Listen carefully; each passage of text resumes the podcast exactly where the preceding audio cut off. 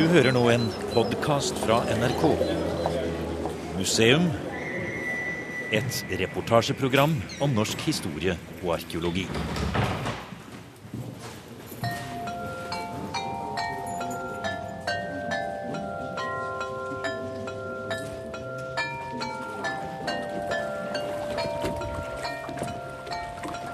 Lyden fra 39 porselensklokker i Vår Frues kirke i Maisen blander seg med bølgeslag mot en brygge ved Halden i Norge. 1700-tallets keramiske besettelse er det som binder disse to stedene sammen. Her går vi utover på en liten eh, trebrygge, og dette er jo den Dette er jo Idefjorden. Ja, det er det. Og vi sitter over til Sverige på andre siden her. Ja. Og veldig fin eh, sånn bryggekant her, ser vi. Det er eh, huggen granitt, da. Ja da. Og Østfold er jo et granitt- og et lerfylke. Ja. Lere og granitt og tømmer. Det kjennetegner jo Østfolds næring. Mm. Hva heter det akkurat her vi står nå? Her heter det Furuvarp.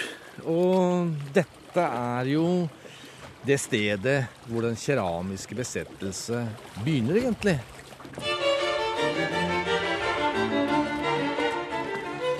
Den keramiske besettelse, det er de europeiske fyrstehusenes kappløp for å finne formelen for det kinesiske porselen, det hvite gull. Alkymistene knekker denne koden i Dresden på begynnelsen av 1700-tallet. Og det skal vi snart høre mer om. Men først skal vi bli litt til i Norge. På det stedet Meissen-stilen og de aller første fajansene ble produsert i Norge. Og da er det Peter Hoffnagel vi ser for oss her på brygga ved Furuvarp, sier historiker Sven G. Eliassen. Ja, Det skjedde jo på den måten at eh, Peter Hoffnagel han hadde jo ikke noen planer om å starte noe keramikkvirksomhet i det hele tatt. Han kom hit fordi broren Andreas han eh, var her. Han kom hit i 1747, denne Peter Hoffnagel fra Kristiania. Han var en håndverkerfamilie. Og han fikk en eh, postbestyrerjobb her, og kjøpte seg en av bøgårdene. Og så skulle han drenere litt her nede for å se, få litt bedre jordvei. Ja. Og så får han plutselig oppdage at her var det jo fin lere. Og så tenkte han skal jeg jaggu meg sette i gang med, med tegleproduksjon. Det er sånn det hele starter. Og så kjøper han jo eh, flere bøgårder, gifter seg med en enke og, ja. og, og, setter i gang, da. Og, den, eh, og så tenker jeg skal jaggu meg prøve med, med pottemankeri òg. For det er også en del av ja. Den keramiske besettelse. Og så begynner han med et pottemakeri, og de første fajansene som da lages, de ble, ble produsert i 1759. Men da er det ikke plass akkurat her nede vi står inntil nei, eh, Idefjorden. En ganske trang eh, strandbredd her. Ja. Eh, da måtte han altså da flytte anlegget litt opp herfra? Litt opp herfra, ja. Opp på det som heter Herrebø. Som ligger litt lenger oppe på, oppå sletta her. Så sånn begynner Herrebø-eventyret. Vi kjører opp fra Furuvarp til rv. 22 og befinner oss nå bare noen få kilometer syd for Fredriksten festning. Vi tar av inn til Hov gård. Det er vanskelig å forstå at det var her Herve fajansefabrikk ble anlagt, midt på 1700-tallet. Med bolighus og fabrikkbygning. For det blotte øyet er det ingenting igjen det er jorder, en bondegård og en garasje. Gårdbruker Øyvind Hov tar imot på tunet. Ja, nå her som du ser den garasjen der. Det var den. Men det var uh, hovedhuset, og så var fabrikken på nordsiden. Og nå er vi midt inne på tunet ditt på gården her. Ja. Så vi står på tomta nå, for den gikk her, og så omtrent Litt omtrent, vel. Ja. Er det noe som helst igjen av grunnmur eller stener eller noe som ja, helst? Ja, litt av grunnmuren er der. Ja, Vi får gå bort og se på det. da. Mm. Hvor var det du mente, Hov, at eh, den, For her ser vi nå dette er egentlig ytterveggen på garasjen din, da. Men samtidig så er det sånn at dere har bygd videre på den gamle fabrikkveggen, kanskje? Vi bygde på fabrikkveggen, ja. ja. For å lage garasje. Ja.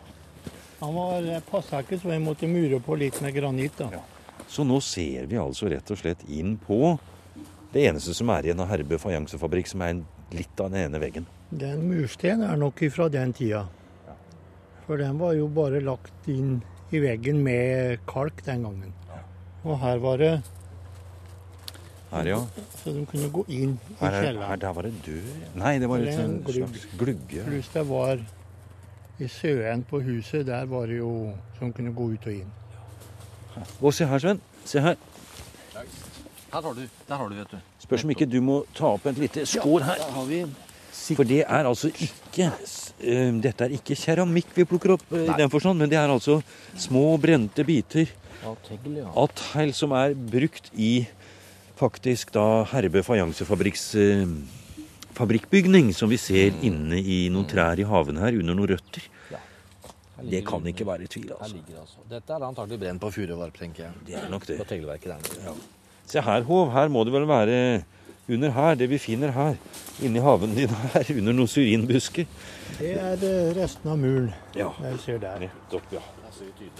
Ja. Og her har du vært inne nå. Her har vi Så har du henta et flyfotografi, som jo sikkert mange kan huske at ble tatt ofte av gårdene bortover da, og dere kjøpte 1951. 1951, ja. Ja, der ligger det. Et fargelagt sort-hvitt bilde. Fantastisk fint er det. Ja. De freda jo. I 28 så ble det freda, så vidt jeg husker. 1928. Det kan ikke jeg huske, men jeg vet at de, de freda det. Og så begynner det jo å rase ut, da, og da Oppe ved fredinga så fikk vi arbeid til å rydde tomt og allting. Jeg tror det ble revet på slutten av 50-åra, ja. For, forklar dette bildet her. 50-tallet. Ja. Du ser jo denne Den er faktisk bygget som en rokokobygning. ja, for det ligger nemlig en gammel ned halvveis i taket innrast bygning Ja, inne mellom bygningene på bondegården. Ja da, og det er bygget i tidens stil, altså. Med knekt takvinkel. Man- Mansardtak. Mansardtak er helt riktig til fransk forbilde. Som man finner på Hafslund, blant annet. Og så er det jo både fabrikk og beboelseshus, da, som Å ja, det var det, ja. Det var et kombinert hus. Ja. Her var beboelseshuset, og så har fabrikken gått på bort. den, på den Der, ja. der, ja. ja. Så det er beboelseshuset på Herbø vi ser der. Men det var altså slik at de tok lere fra jordene rundt her, da? Ja, det vil si eh, Den lera som var nede ved Furuvarp, den egna seg ikke for, for fajanse. Det gjorde den ikke, så det oppdaga jo Hofnagel ganske fort. Så den lera som ble brukt her, den kom fra Slesvig, faktisk. Det ble importert. Ja. Og fra Slesvig fikk vi også de første Og med båter inn til brygga her nede, da, som vi nettopp var. Ja. Så det er jo bare noen hundre meter egentlig i luftlinje her nå, fra brygga nede på Furuvarp. Ja, så, de, så det kom både da lere, og så kom det etter hvert også spesialister, da. Arkanister som kunne dette faget, og som kunne hemmeligheten. Arkanister, hva var det? Ja, det var de som kunne hemmeligheten. Det var folk som kunne både brenneteknikken og de kunne glasurteknikken. Og egentlig så er det et begrep som er knytta til farmasien, apotekkunnskap, som også ble overført til den keramiske virksomheten. Så de satt jo med store hemmeligheter som de tok med seg fra Tyskland. Det var jo Wolf i København som var den første som produserte fajans i Norden rundt 18 nei, 1720-årene. Og så kom kunnskapen da etter hvert også opp til oss, da. Enten via Danmark eller direkte fra Slesvig. Så kom det spesialister. Og så var det jo det at i Norge så ble jo en annen av bestanddelene til porselensproduksjonen allerede produsert, nemlig altså da manganblått, eller altså på, på, på blåfarveverket. Ja. Hvor koboltfarven faktisk ble produsert. Men den gikk jo i monopolsalg ned til Kongelig Dansk Porselensfabrikk i København. Ja, riktig. Og det hele her er jo basert på monopoldrift. Det var jo mange tiltak og mange ideer og mange prosjekter. Men man var avhengig av å få lisens eller få et privilegium som hun kunne produsere det. Det var strenge reguleringer av dette her. Men selvfølgelig kongen i København han var jo selvfølgelig interessert i å få til tiltak og få dermed inntekter i statskassa. Og Peter Hofnagel han, han var en mann som så disse mulighetene. og og det blir jo hans eh, skjebne at han fikk liksom ikke helt snurre bånd hos kongen i København. Så måtte heller basere seg på lokale kjøpmenn her i Halden, som han kontaktet for å få til kapital for å kunne starte her for fullt. da.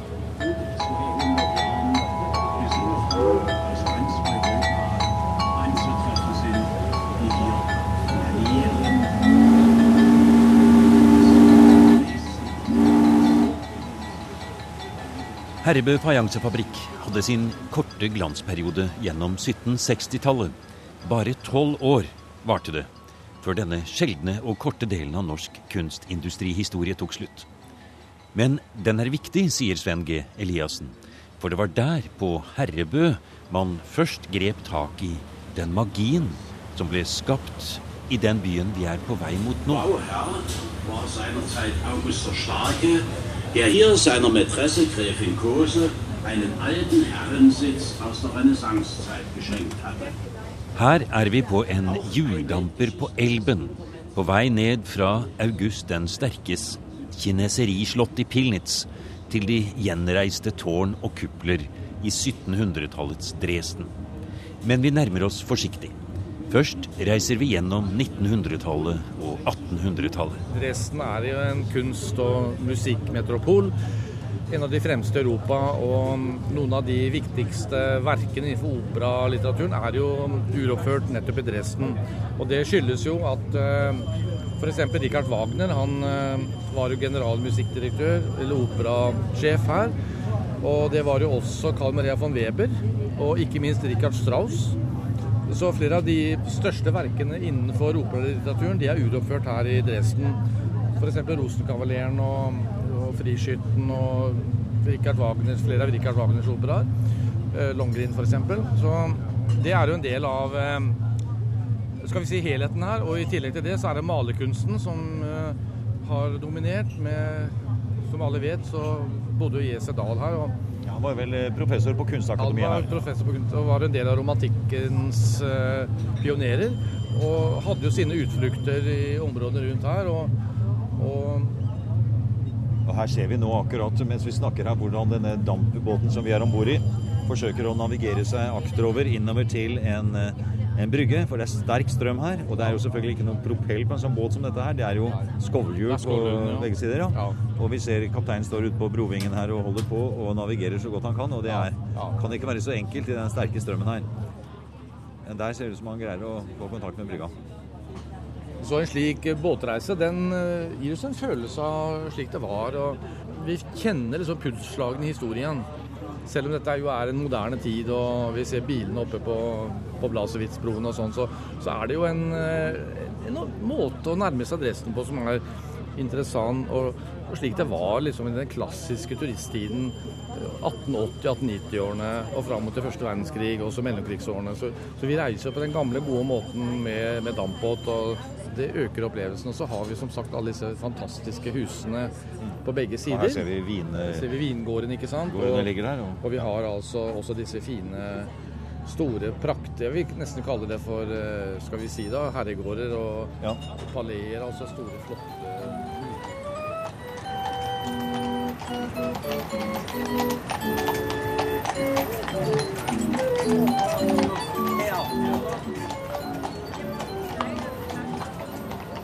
Vi går i land på den brylske terrasse og går inn i Dresdens gamle by.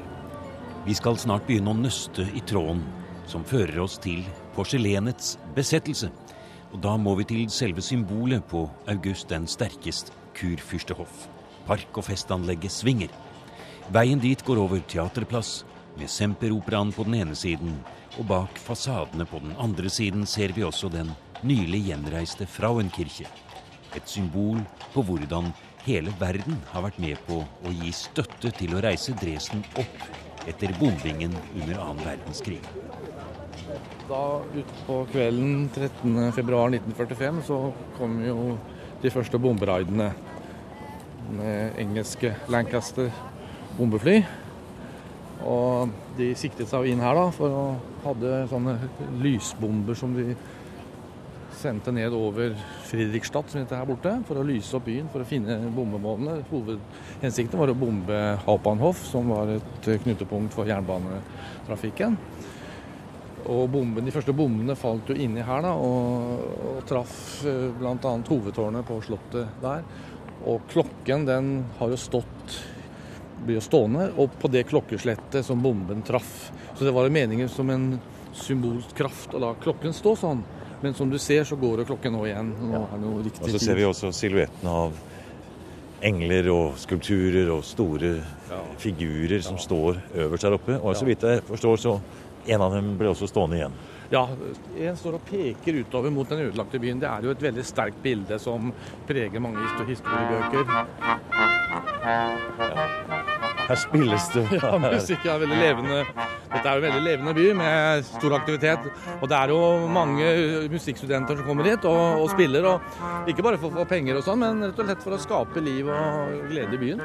Og i dag så er det jo en, vil si, en hyggelig, trivelig by som har noe for enhver smak, faktisk. Men det er også da en by som rommer både det, det verste og de største tragediene, og likbål og ja. bombing og total ødeleggelse. Og nå i dag kunst, kultur og kunst, kultur, kvalitet. Ja, kvalitet. Ja, det er akkurat det. det er, eh, og nå går vi jo inn i kanskje noe av det ypperste europeisk barokk, nemlig inn i selve Svinger, som er et storslått anlegg som, eh, ja, som August den sterke da fikk sine kunsthåndverkere til å skape eh, nesten i sitt bilde. For vi ser jo han, han dominerer jo veldig mye. Se Kronentor f.eks. Ja, det er helt umulig å forstå at alt dette har vært lagt i grus ja. når vi går inn her nå. Det ser ut som i Louvre eller Eremitasjen i Ja da, det er fantastisk. Og det jeg må jo si at dette kom jo inn i den såkalte DDR-staten i 1945. da, ja. og Mye er gjort av faktisk DDR-staten. Dette swingeranlegget det var noe av det første DDR-staten gjorde for å Da går vi ut i et stort eh, skal vi si, parkanlegg midt inne i dette slottsområdet. Da. Og det gjorde DDR-staten, ja. Ja, det, ja, dette var noe av det første de, de, startet med, så vi skal ikke bare rakke ned på den tiden. For det gjorde en god del. Og Semperoperaen den sto jo da i 1985, 40 års jeg vil ikke si kanskje jubileet, men eh, markeringen. Nå er vi inne i dette fantastiske barokkanlegget som Kjære gjester. Alle de medarbetare hälsar er hjertelig velkommen til porslinsfabrikken Meiser. Det er i Dresden i året 1708 en av August den sterkes alkymister, Johan Bødker, greier å fremstille det første europeiske porselenet. Men det er her i En liten middelalderby noen mil lenger nedover elven, at selve produksjonen startet, og for den saks skyld har fortsatt uavbrutt siden. Her, i den moderne fabrikken, i manufakturen, stopper Eliassen foran en byste av Johan Bødker og starter på et resonnement om den høyt oppdrevne elitekulturen som 1700-tallets eneveldige herskere omga seg med. For husker jeg inn en tid samtidig med Ludvig den 14., Peter den store, Karl den 12., bare for å nevne noen. Så eh, dette er jo en tid med, med monarker, fyrster, personligheter som skal markere seg selv, vise hvem de er, gjennom sin elitekultur. Og hvordan kan de klare å finne elementer som skiller seg fra det som man ellers finner. Og én ting er jo gull, mye gull. Sånn at uh, flere av disse herskerne de ansatte jo alkymister som skulle fremstille gull kunstig. Og det er jo slik den keramiske besettelse begynner. Den begynner med gullets besettelse og forbannelse. Og så ender det med porselen, altså, som er det hvite gull. Har Sie en Ausweis, dass Sie das machen dürfen? Nei, machen was? Ja, hier. Ja, så var kanskje ikke DDR-tiden helt slutt likevel. Men dit vi skal, til borgkjelleren i Albrechtsburg, det eldste slottet i Tyskland, som ligger nettopp her i Meissen, der er det ikke nødvendig med Ausweis for å gjøre et intervju. Ja, nå ser vi jo pittoreske tårn. Vi kan følge faktisk en hel arkitektonisk historie bare å gå oppover her. Med bygninger helt ifra tidlig renessanse. Det var nemlig hit kjemikeren, ingeniøren og oppfinneren, eller altså alkymisten Johan Bødker, ble sendt med hele sin stab etter at han fant formelen for porselen i 1708. Under streng bevoktning og husarrest var oppdraget at Bødker skulle gjøre kurfyrstedømmet Saksen i stand til å produsere like godt porselen som den kinesiske importen. Ja, eh, du sa et forløsende ord. Det kinesiske. Og det er klart at det er noe av det som er hele grunnlaget. Det er jo Ming-dynastiet som eh, på en måte er eh, fundamentet, eller opptakten til dette. Det er Ming-dynastiet som jo varte fram til 1644. Og det er jo produkter fra den tiden som kom til å svømme inn i Europa. Og det var jo, ble en besettelse å kunne lage noe tilsvarende på europeisk grunn. Det var jo det som var besettelsen. Men dette gjennomsiktige, flotte matte keramiske stoffet, med den fine klangen. ikke sant? Hører vi ikke minst. lyst, ja, sterkt. sterkt ja. Ja. Og, det, og den klangen hører vi her i Maisen med disse fine porselensklokkene. ikke sant? For det som jo er eh, selve oppfinnelsen her, og det som er at de knekker koden, det er jo ikke bare at de finner ut uh, hvordan det kinesiske porselenets uh, konstruksjon er, holdt jeg på å si, gjennom de forskjellige sammensetninger, men de forbedrer faktisk uh, på en måte oppfinnelsen da, gjennom at de tilfører mye mer kaolin enn det som har vært vanlig. Ja, man, eh, altså Kaolin utgjør 65 i, i Maisen porselen. Altså godt over halvparten av legeringen. Det, de øvrige bestanddelene det er jo feldspatt og kvarts. da. Og det som er det fantastiske med kaolin, det er jo at kaolin tåler høy temperatur under brenning. Og så er det en spesiell ting som skjer. altså Dette smelter i hverandre. Det sintrer. Det sintrer da. Når det kommer opp i en 14-15 grader, så sintrer det. Og så, og så blander da kaolinen seg inn i de to andre bestanddelene på en mye høyere temperatur. Og så blir det en, en tynn, hard, gjennomsiktig keramikkmasse. Og denne, denne hvite, fantastiske fargen, denne gjennomsiktigheten, vannbestandigheten, gjør at man kaller dette for det hvite gull. For det er jo sterkt også, vet du. Det er jo knallsterkt. Vi bruker ennå i dag såkalt eh, teknisk porselen, ikke sant. Som er sterkt. En ting er selve råvaren, men så er det formene, designen. Kanskje ekstra interessant i vår samtid, hvor europeisk produksjon av varer i Kina er en stor faktor i økonomien. Så var 1700-tallet fullstendig imponert av kinesisk design, form og farve. Kineseriet ble også selve forbildet for europeisk porselen. Kineseriet det preger jo både porselen, møbler og bygninger. Og det er jo dette overdådige dette vridde, disse vridde komposisjonene. Og både symmetrisk og ikke-symmetrisk på samme tid. Og de sterke farvene. Mye gull og, Mye gull og rødt og sånn ser vi her, ja. Ja, sånn som vi så på, på Pilnis. Sånt, sånt, sånt. Det er det som går igjen, og det som er den røde tråden i det hele. Og dette understreker nettopp dette eksklusive, dette fjerne, lengselen etter Kina, kan vi si, som det nesten uoppnåelige på et vis. Så det preger jo hele denne kulturen, og er en del av det vi kaller for elitekulturen. Og som vi også kunne, kan kjenne igjen på det norske. Når vi ser norske produkter, så er dette et ekko både fra Europa og fra Kina. Men med Europa da som et mellomledd.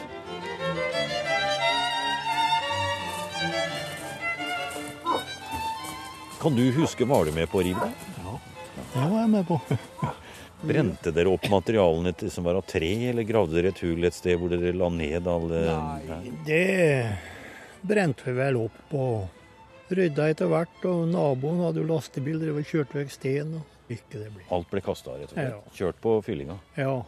Nei, det var litt av en jobb å få fjerna alt det der. Ja, det var, tenker jeg det var. Vi har én ting inne som vi har funnet, Ja vel. som vi kan gå inn og se på etterpå. Ja, kan vi gjøre det? Ja. Ja, men det vil gjøre gjøre.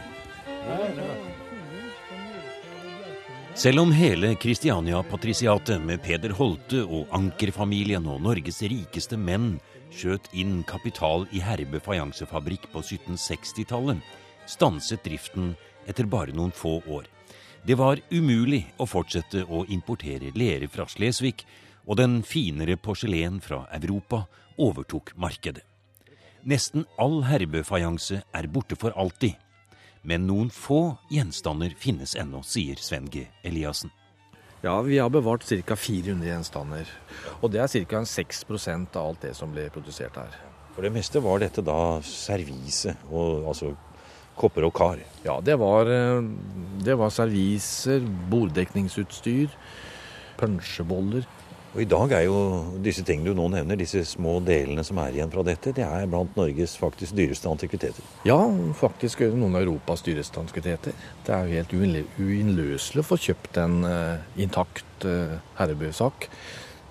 De er svært etterspurt og har høye priser. Nei, men jeg kan jo gå inn og se på det du. Da kan, ja.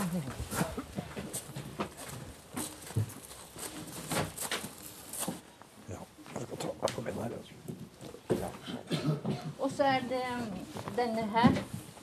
Den fant jeg ute i jorda. Også så flott. Og så, ja, og så sier, og så var det en antikvitetshandler innom her fra Mellerud, og han sier ja, gi deg 2000 for den, sa han, men du selger den vel ikke, sa han. Du får fortelle hva det er. Det er vel en Liten detalj til en det, det eh, er en knott. Se her, da.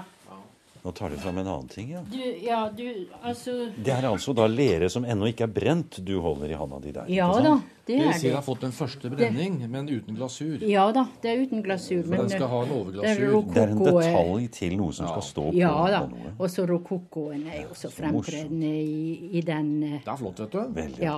Dette er jo nesten som Og det har du funnet ute i bakken? Ja, jeg fant ute i bakken gro og sette poteter der. hva jeg drev med. Er Men, si- Så han skulle gi meg 2000 for den. Men du sa vel nei til det, vel? Ja, du selger den vel ikke, sa han. Nei, det, er, det er morsommere å ha det selv. Ja, kjære vine, da. Det var litt rart. Visste du om den? Sven? Nei, den kjente jeg ikke. Det visste jeg ikke om. Den, Veldig morsom. Den var veldig morsom. Den må du ta vare på som gull. Ja, jeg må jo det. Den må du ha i familien. Den hører til her. Den kom aldri til Sverige til, i hvert Nei, den må du ha som Ja, ja, ja.